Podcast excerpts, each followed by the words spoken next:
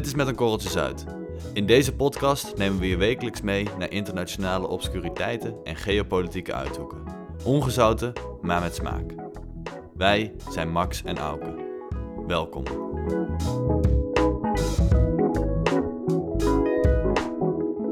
Vandaag praten we aan de hand van het boek Grand Hotel Europa van Ilya Leonard Vijver over de status van Europa als openluchtmuseum voor Aziaten en Amerikanen.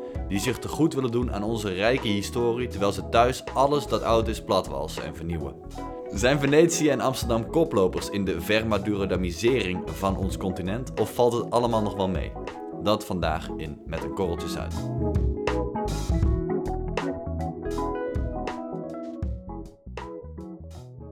Daar zijn we weer. Je bent weer terug? Ja, ik ben weer terug. Dat wil zeggen, ik ben weer terug in Italië, waar wij de podcast maken. Ehm, dit is de eerste podcast van 2020. Ja. Eh, vorige week waren we er niet. Ja. En eh, ik, ik ga er weer met volle, volle energie, eh, knal ik er weer in hoor. Ja. Kop koffie erbij Juist, en we gaan. lekker. Hier voor ons op tafel, tussen ons twee in, ligt het boek Grand Hotel Europa. Ja. Van Ilya Leonard Vijver. En dat hebben wij allebei gelezen. Mhm. Ik op aanraden van jou. Ja. Je zei, Max, eh, ik heb een mooi boek gelezen. Moet je ook lezen, jongen. Ja, en ik op gelezen? aanraden van mijn ouders. Ja. Ehm, dus eigenlijk, eh, misschien is het wel slim om te zeggen dat eh, degene die dit boek nog wil lezen, dat die misschien niet naar deze podcast moet luisteren. Of wel? Nou ja, ik was niet van plan om hier het hele boek te bespreken. Maar, ehm, nee, akkoord. maar meer gewoon onze... Nou ja, hè, laten we het even, even samenvatten zonder dat ik nu ga spoilen wat er in het boek wordt gezegd. Eh, het gaat veel over toerisme in Europa. Mhm. Toerisme in het algemeen. Ja. En ehm, ja, misschien dat we het daar gewoon over kunnen hebben en onze eigen conclusies en, en, en, en visies daarop geven. Juist. Dus vandaag hebben we het over eh, Europa als eh, etalagepop van de wereldgeschiedenis voor mensen uit China en uit Amerika. Ja, ja. ja. Oké. En jij had meteen al een heel mooi voorbeeld, zei je net. Ja, dat is natuurlijk. Dat was onlangs in het nieuws. Moet ik even kijken hoe dat heet, het dorpje. Ah ja, het dorpje Hallstatt Mhm. in Oostenrijk is een dorpje van 800 inwoners. Ligt aan zo'n meer, ja, je kent het wel, eh, zo'n bergen, Ja. eh, al dat soort eh, dingen. Er kwamen in 2018 kwamen daar een miljoen mensen. Wat? ja, dus dat gaat nergens over. Op 800 inwoners. Ja, op 800 inwoners kwamen daar een miljoen mensen naartoe. Dus als je kijkt naar de eh 10 steden met de meeste toeristen per inwoner, Mhm. dan staat Hallstatt op nummer 2. Wow. Cinque Terre op nummer 1, daar zullen we zo meteen misschien op... eh, op- Regio hier, of ja, een gebiedje hier In- in Italië. Juist, Ja. daar zullen we zo meteen misschien even op terugkomen. Maar goed, Hallstatt en die burgemeester die zegt, ja jongens, met alle respect, maar dat kunnen wij helemaal niet aan. Nee. Al die Chinezen die daar met die selfie-camera's Ja. eh, ja, foto's staan te maken. En waarom doen ze dat? Dat is dus omdat ze in China, in de provincie Guangdong, Mhm. hebben ze die stad eh, nagemaakt. Want die hebben ze ooit, eh, er zijn een paar eh, slimme Chinezen geweest, die hebben dat, dat dorpje ontdekt. eh, met Go- Google, Google Maps of zo. Nou ja, die zullen daar wel fysiek geweest zijn, neem ik aan. En die dachten, dit moeten wij ook hebben. Ja, die dachten, dit is top. Hebben ze een meer gegraven of meer aangelegd. Mhm. En hebben ze dat dorp gewoon nagebouwd. Vet. Dus, dan zijn er dus mensen die dat bezoeken. En dan zijn er mensen die denken, ja, dan wil ik het origineel ook wel zien. Ja. En eh de Chinezen, die zijn nogal met wat. Dus ja, een miljoen man. Wow. En ehm, hebben ze al oplossingen in Helstad bedacht? Nou ja, ze zijn in ieder geval begonnen met eh, te, te smeken eh, of de mensen alsjeblieft thuis zouden willen blijven. of in ieder geval andere regio's van Oostenrijk Ja. op te zoeken. Want ja, Ja, het probleem wat je wel vaak met dat soort, ehm, ja, eigenlijk kleine, kleine gebieden ziet die enorm toeristisch raken, eh, is dat het gewoon een bevolking ook in tweeën splitst. Want Ja. dat zie je bijvoorbeeld in Venetië, Mhm. een stad die totaal onleefbaar is geworden. ja, nummer vier trouwens op dat lijstje. Venetië, ja. 364 toeristen per inwoner. Ja, ja volgens mij wonen daar nu nog maar iets van 20, 30.000 man. Mhm. Eh, dat is niks met wat het 100 jaar geleden was. Ja. Ehm, maar dat, dat die bevolking wordt gewoon in, in twee gesplitst. Aan de ene kant heb je de mensen die zeggen... jongens, onze hele stad wordt hier eh vernacheld... eh, met alle rolkoffers en Airbnb's. Mhm. Aan de andere kant zijn natuurlijk de mensen die daar eh, grof geld aan verdienen. Ja. En die vinden het wel top. Mhm.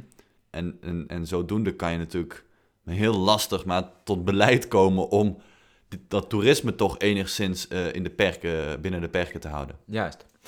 En de vraag lijkt me dan, eh, ja goed, dat, dat hebben we ons eh, natuurlijk van tevoren al bedacht, wat dan de vraag is die reist. Maar dat komt ook voor in dat boek, dat is de vraag, wordt Europa een recreatiegebied? Ja, ja. ja En wat, eh, wat denk je daarvan?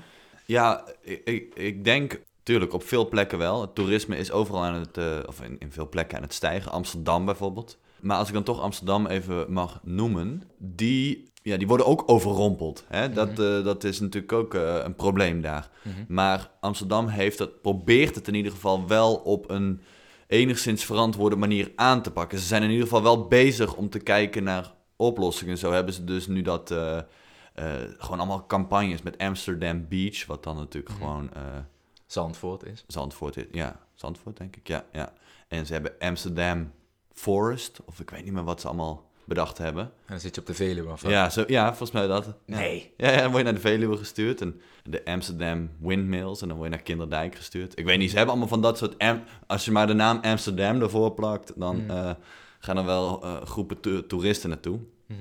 Dus ze proberen in ieder geval dat, eh, dat toerisme te spreiden. Dat het niet allemaal zich concentreert tussen het Damrak en het, en het Leidseplein. Ja. Maar je ziet aan de andere... We hebben bijvoorbeeld... eh, ja, ik zei net al Venetië. Mhm. Ja, daar wordt gewoon nul... Ja, ze proberen daar nu krampachtig eh, wat eh, toegangspoortjes te installeren. Maar volgens mij is dat ook weer niet doorgegaan.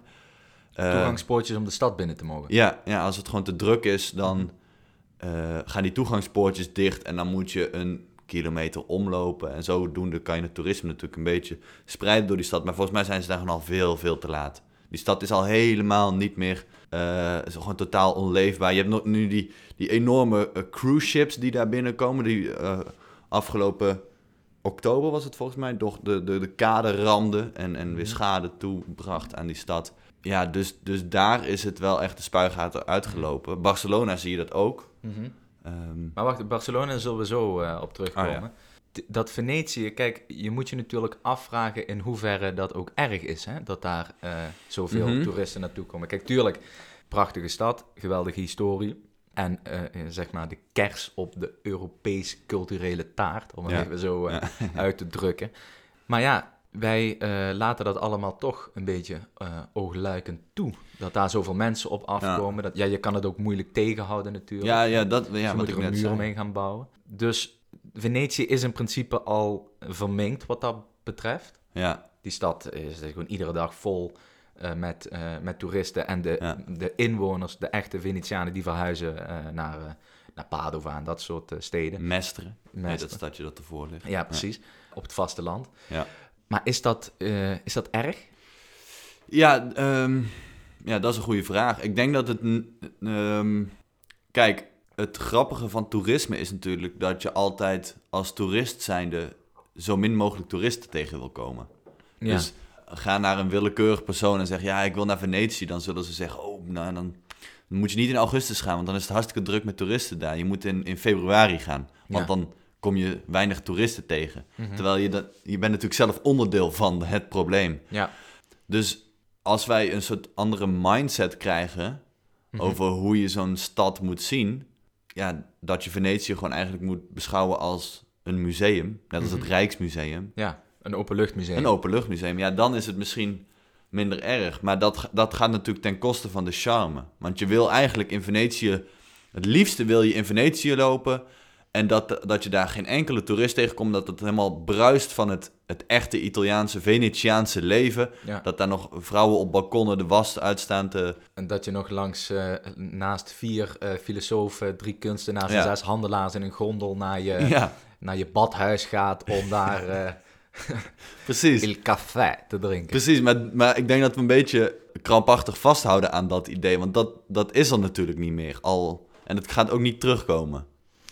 En, maar we willen, als wij in Venetië lopen, willen we ons wanen alsof dat er is. Maar Ja. dat, dat, dat is niet meer. Dus we moeten misschien omschakelen naar het idee dat het gewoon een openluchtmuseum is. En als, dat, als je dat bedenkt, dan is het misschien helemaal niet zo erg dat er nog eh 3 miljoen Chinezen en Duitsers en, en Britten naast je lopen. Maar dan moet ik daar toch een... Ik vind daar toch wel wat van. Namelijk dat je... Kijk, Venetië is natuurlijk het begin. Je hebt dan Barcelona, je hebt eh, onze eigen hoofdstad, Amsterdam. Ja. Tegenwoordig ook Dubrovnik, eh, Athene, noem het allemaal maar op. Ja, dat, dat eh, als een soort paddenstoelen reizen dan allerlei soorten met van openluchtmusea, soorten met toeristenhubs, Mhm. die reizen dan op. Terwijl het natuurlijk in beginsel gewoon steden zijn waar we- mensen wonen, Ja. werken. Ja. In, Ven- in Venetië is het natuurlijk klein, dat is Mhm. eigenlijk maar een, een klein stadje. Maar neem nou bijvoorbeeld Amsterdam, waar we later wel even op terug zullen komen. Ja, daar moeten mensen wel werken. Ja, En, ja. dus ook kunnen wonen. Ja. En dus ook hun eh, eh, recreatie. Ze moeten daar ook kunnen recreëren. Ja, nee, klopt. Ik denk daarom ook dat je het. ehm, ik denk dat zoiets als het, het, het, over, het massatoerisme. dat moet gewoon in het, in het mooie, mooi Nederlands. top-down moet dat eh geënforced worden. Gehand, top-down moet dat gewoon gehandhaafd worden. Dat Want is wel mooi Nederlands. Ja. Ja. Want democratisch ga je er niet uitkomen. Want in Amsterdam zijn er natuurlijk ook eh, eh, Prins Bernhard, of hoe heet die, die, die flikker met zijn bril, Mhm. die eh 800 panden bezit. Die vindt het natuurlijk top, al dat toerisme. Of ik weet Flikker nou, met zijn bril? Ja, die, die, die neef van de koning. Maar ik denk niet dat hij in toerisme zit trouwens. Weet ik niet. Nou ja, democratisch ga je er natuurlijk niet uitkomen. Want eh, wat ik net al zei, het, het splitst de bevolking. Gewoon de ene kant de mensen die er willen wonen, aan de andere kant de mensen die hun, hun geld mee verdienen. Dus je moet het gewoon, van te, gewoon bij de kern aanpakken. En daarom denk ik dat je het gewoon vanuit, vanuit het bestuur moet het, moet het aangepakt worden. Maar je kunt die twee dingen toch helemaal niet los van elkaar zien. Degene die hun geld eraan verdienen en degene die in die stad wonen. En dat bedoel ik mee te zeggen, dat is overigens een stukje in het boek van eh, Leonard Vijver waar ik het eh, niet geheel mee eens ben. Mhm. Hij zegt namelijk, toerisme kost de meeste toeristische steden geld. Hè, dus je moet Mhm. even kijken hoeveel het de gemeente, weet ik veel wat, kost om allerlei toeristen die stad binnen te loodsen en hoeveel belasting ze daar vervolgens voor, voor, voor terugkrijgen. Ja, Dat is natuurlijk maar één tak van sport, hè, de publieke gelden. Maar je hebt natuurlijk een enorme private sector in al die, in al die steden. Mhm. Met, eh, weet ik veel, musea en hotels en eh, eh, restaurants en cafés en noem het allemaal maar op. Ja. Die toch een hele flinke smak geld naar binnen trekken. Nu valt het in Amsterdam nog mee, omdat er een heel groot financieel centrum zit. Mhm. Maar neem nou bijvoorbeeld Venetië. Ja, stel, je zou daar alle toeristen weghalen. ja. Ja, dan is die economie daar, die... Ja, wat, wat, wat gaan die mensen dan doen? Ja. Gaan die nog eh, om, om, om de, de Zuidkaap varen? Of wat? handelen met, eh, met, met Cairo en zo. Ja. Ehm, Precies, dus zij hebben, de- wat ik dus wil zeggen, is zij hebben de luxe niet om te zeggen, joh, eh, al die toeristen is allemaal leuk en aardig, maar we gaan ermee stoppen. Nee, ik denk ook niet dat dat de oplossing is. Maar je moet er als stad voor zorgen dat je geen Venetië wordt. Kijk, toerisme is niet erg. Mhm. Maar massatoerisme, zoals het in Venetië is, is wel erg, denk ik. Mhm. Want je moet natuurlijk een soort, je moet gewoon een soort eh, middle ground vinden. Nou, bijvoorbeeld, wij wonen dus hier in Milaan. Mhm. En eh, hier in Milaan is het toerisme prima geregeld. Ja, Er is, er is toerisme. Iedere dag eh, als je naar het, eh het Duomo-plein loopt, Mhm. staat het vol met toeristen. Ja. Maar het is niet storend. Het concentreert zich op een paar plekken in het centrum. En een paar, eh, een paar eh, straten met cafés. Mhm. Maar het is niet, eh, je, je struikelt niet over de rolkoffers en de, en de selfie-Chinezen. Nee. Maar de selfies, nee. maar ehm, zij doen dat hier ook wel slim, omdat ze een aantal ja, kunsthallen zijn dat dan in Mhm. veel gevallen, die zetten ze gewoon ver buiten de stad. Ja, dus dan hou je de mensen gewoon in ieder geval al een dag weg uit Ja. het centrum. Ja, dus daarom, je moet dat denk ik gewoon vroeg aanpakken. Je moet inzien dat je geen Venetië wil worden. En dan kun je er beleid op maken. Ja. Hè, wat je zegt, kunsthallen aan buiten het centrum. Weet je Ja. wat ook heel goed helpt? Vertel. Een terroristische aanslag. Ja. Ja? Ja, als je Barcelona bijvoorbeeld ziet, Mhm. daar is een, eh, een aanslag gepleegd. Ja, oh ja, op de, heet die, De Ramblas. Ramblas. Een aanslag is eh, een van de meest effectieve manieren om eh massatoerisme de kop in te drukken. Ja, En dat zeg ik natuurlijk eh, niet eh, met, eh, met het idee dat we nu overal... dat we blij moeten zijn dat daar een aanslag is gepleegd, want er vallen natuurlijk doden bij. ja. Maar je ziet dat die, die, die opwaartse beweging van eh de aantallen toeristen in die stad... Mhm. in, volgens mij was die aanslag in 2017... ja, zou goed kunnen. Ja, die is, gewoon, eh, die is gewoon sterk afgenomen. Ja. Parijs zal ook wel een tik hebben gehad. Absoluut. Ja, Parij- Brussel, ja, ja. ja. allemaal steden die daar, eh, ja, ja, hoe zeg je, ja, je kan moeilijk zeggen dat die daar baat bij hebben gehad, maar... Nou eh, ja, misschien eh ja, natuurlijk economische heel zin cru, of in- maar op, eh, eh, ja, in toeristische zin Ja, hebben ze er misschien wel baat bij gehad. ja. Ja, ja. Hoe, hoe bot het ook eigenlijk is Ja. om te zeggen natuurlijk.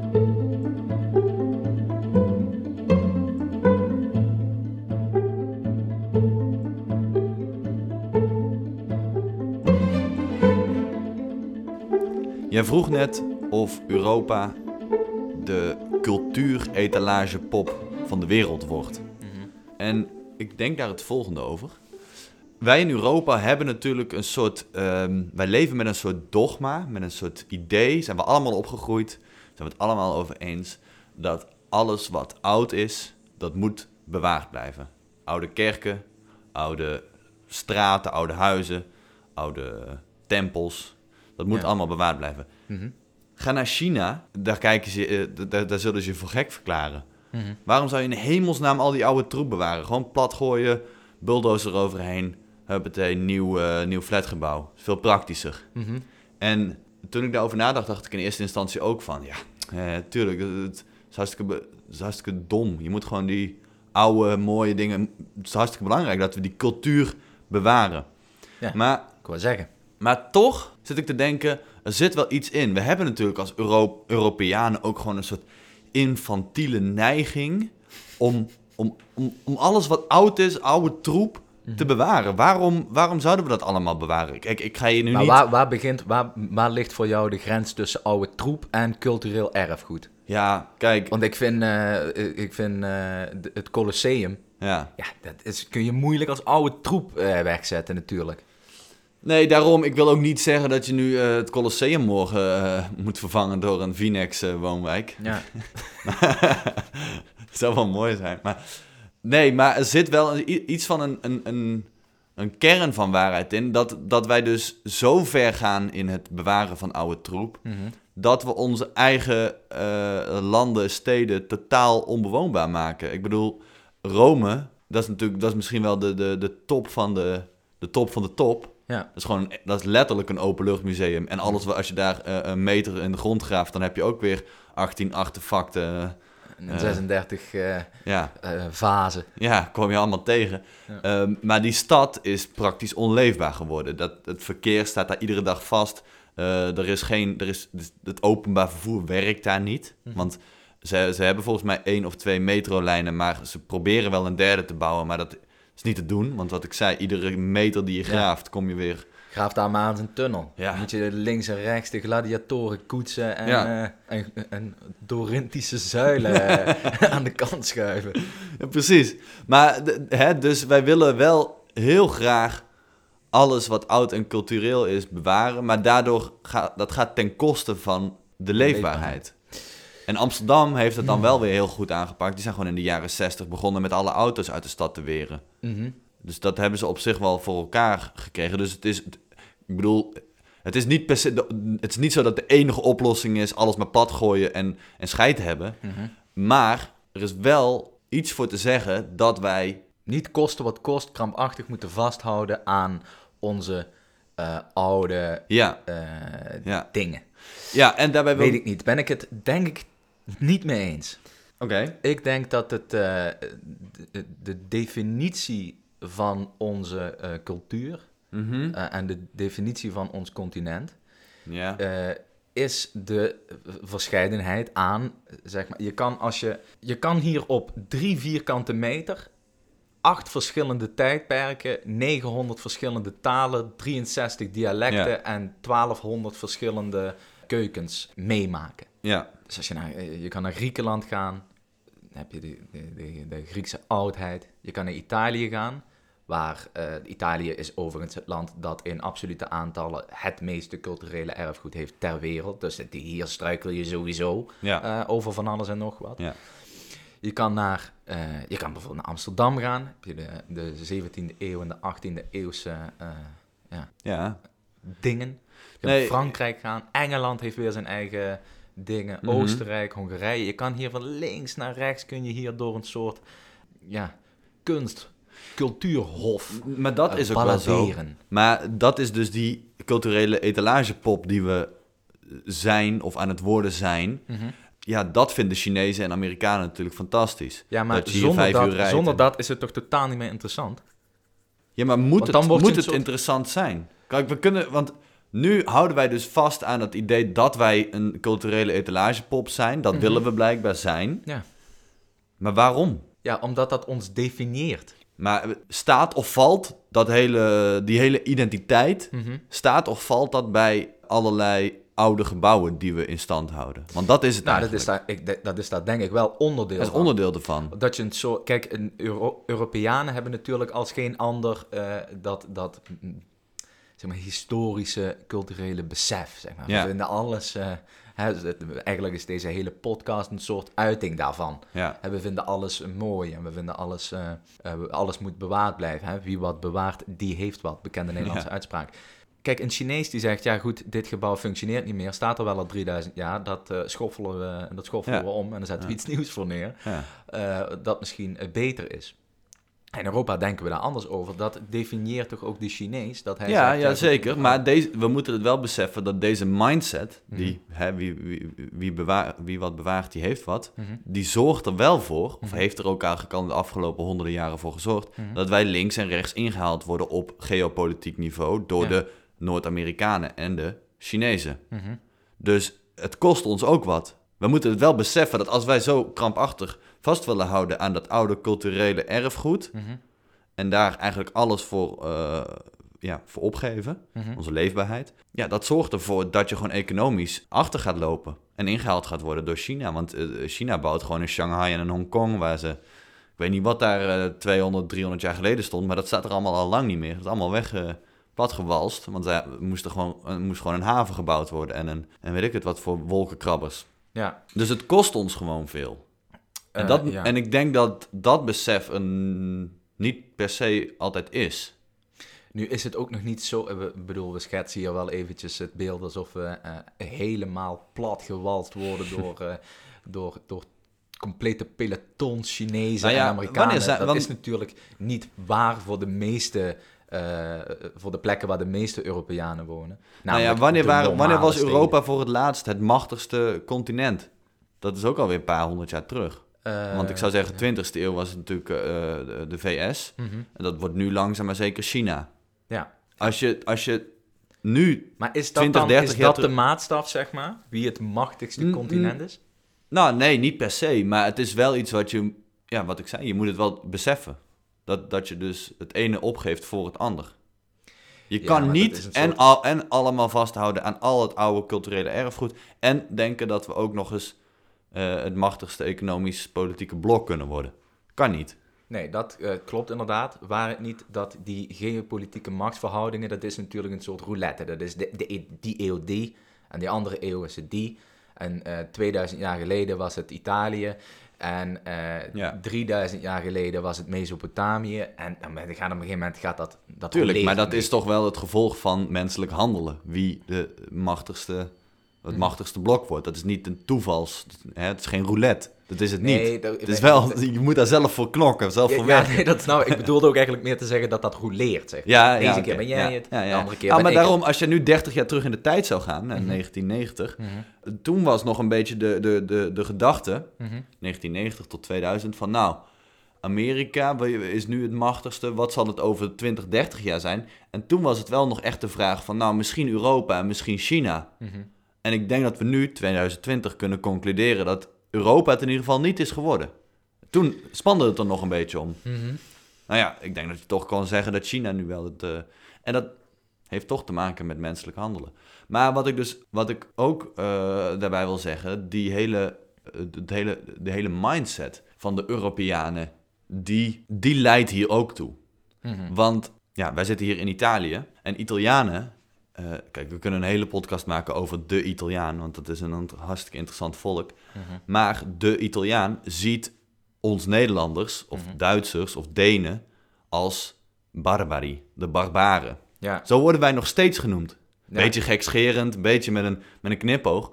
Maar wij worden wel, er zit wel een, als je, als je een Italiaan echt serieus vraagt, wat vinden ze nou van, die noordelijke landen, ja, dat Ja. zijn barbaren. Die hebben geen Ja. cultuur, die hebben geen, geen keuken. En- ik, ik heb wel eens een... eh, sorry dat ik je eh, onderbreek. Ik heb een vriend van mij zei een keer... eh, je moet het eigenlijk zo zien. De Italianen hebben respect voor de Duitsers, maar houden niet van ze. Mm. En de Duitsers houden van de Italianen, maar hebben, ze, hebben geen respect voor. Ja, een beetje zoals de Nederlanders met de Belgen. Ja, zo, ja. Ja, ja precies. Maar ja, ik vind dat intrigerend. Mhm. Want ja, ja, vanuit Italiaans oogpunt hebben we in Nederland natuurlijk geen cultuur. Het slaat nergens op, want die, die Italianen ja, die hebben het Romeinse Rijk gehad. Maar ja, die Italianen op Ben een of andere manier... totaal niet mee eens, hè? Ik vind dat Nee, nee, tuurlijk, eh, nee. Maar, maar die Italianen beseffen op een of andere manier toch ook niet helemaal... dat dat Romeinse Rijk toch al 2000 jaar over zijn hoogtepunt heen is. Mhm. En eh, dat Italië toch economisch ook niet, eh, niet kan tippen aan een Duitsland, een Nederland of een, of een, of een, of een Groot-Brittannië.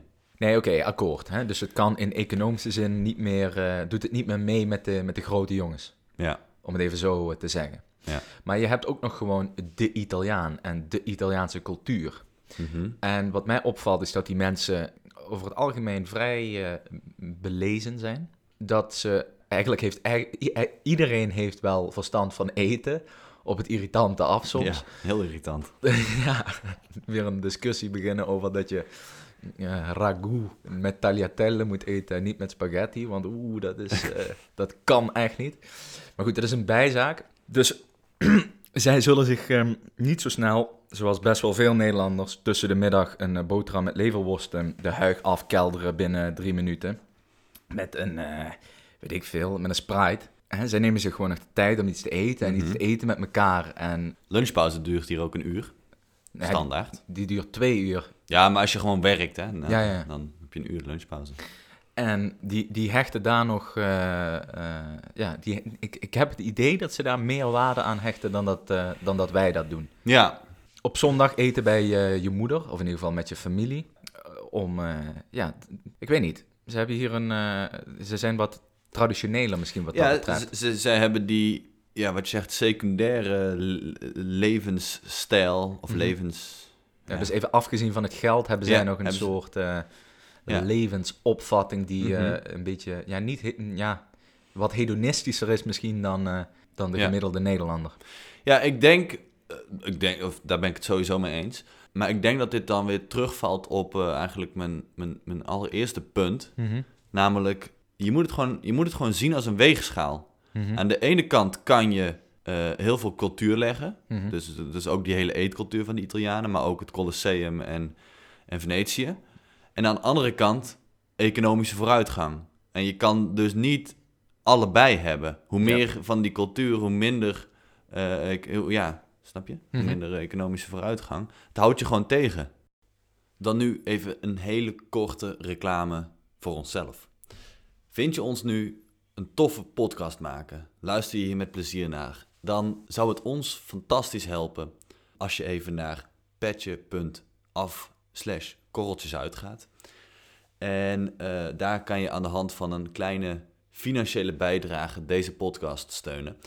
En daar krijg je ook wat voor terug. Zo eh, maken wij extra content. We hebben laatst een podcast gemaakt over wat misschien wel het nieuwste eh, land wordt, Bougainville. Ehm, dus je krijgt toegang tot extra content. Eh, we gooien je in een WhatsApp-groep met eh, alle andere helden van de podcast. En we sturen je een brief met een kus en een foto. Dus dat is petje.af slash korreltjes uit. Dankjewel.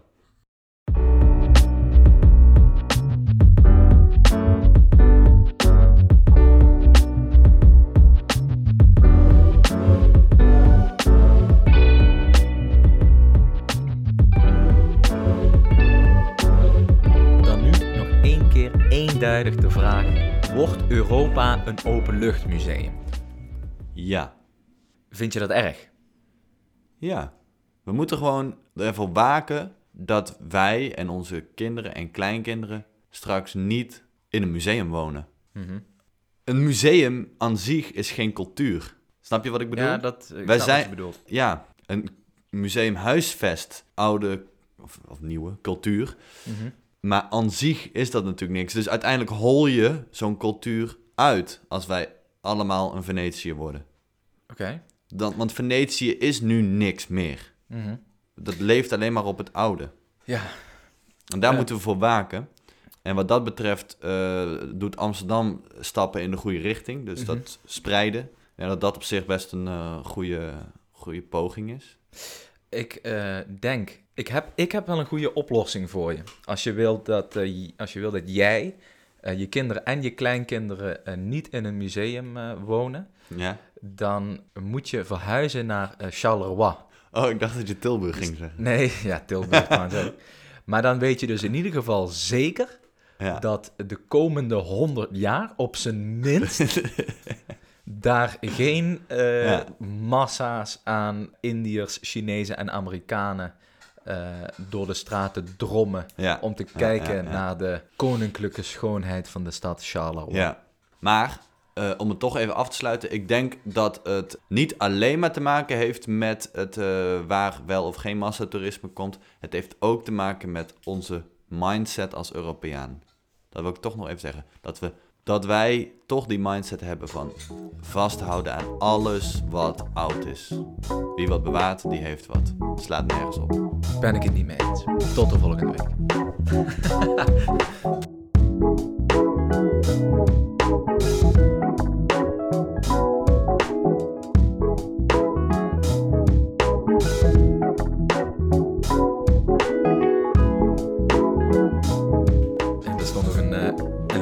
stukje over de Pipperlanders in dat boekje. Kun je dat nog herinneren? De Pipperlanders?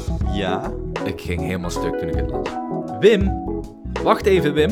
Waar ben je nou mee bezig? Je liep bijna die enge steeg in terwijl het hangslotje op de rits van je buideltas niet eens goed dicht is. En waar is de ANWB reis- en kredietbrief? Heb je die zomaar open en bloot in je rugzak? En waar heb je die kopie van de stormschadepolis? Nee Wim, even serieus. Nee, ik maak nu even geen grap. Ik wil de kopie van de stormschadepolis gewoon even zien. Dan kan ik me tenminste ontspannen. Voor mij is het ook gewoon vakantie. En vertel me niet dat je die onbeheerd hebt achtergelaten in de hotelkamer. Wim? Als ze een ijsje kopen, moeten ze ruggelings op de grond elkaars ketenen openen om zich toegang te verschaffen tot het sleuteltje dat zij heeft om zijn rugzak te openen, waarin de kleine portemonnee zit met de veiligheidsrits voor het kleingeld. En dat ijsje is op zich al een gevaar. Kijk je wel uit dat je een melkijsje vraagt, Wim? Nee, alleen voorverpakt. Want voor je het weet zit er toch water doorheen en dat komt gewoon uit de kraan hier. Je weet hoe ze zijn. Ik heb geen zin om jou met de AWB reis- en kredietbrief op een onbetrouwbare, krakkemikkige buitenlandse baat te moeten repatriëren, Wim.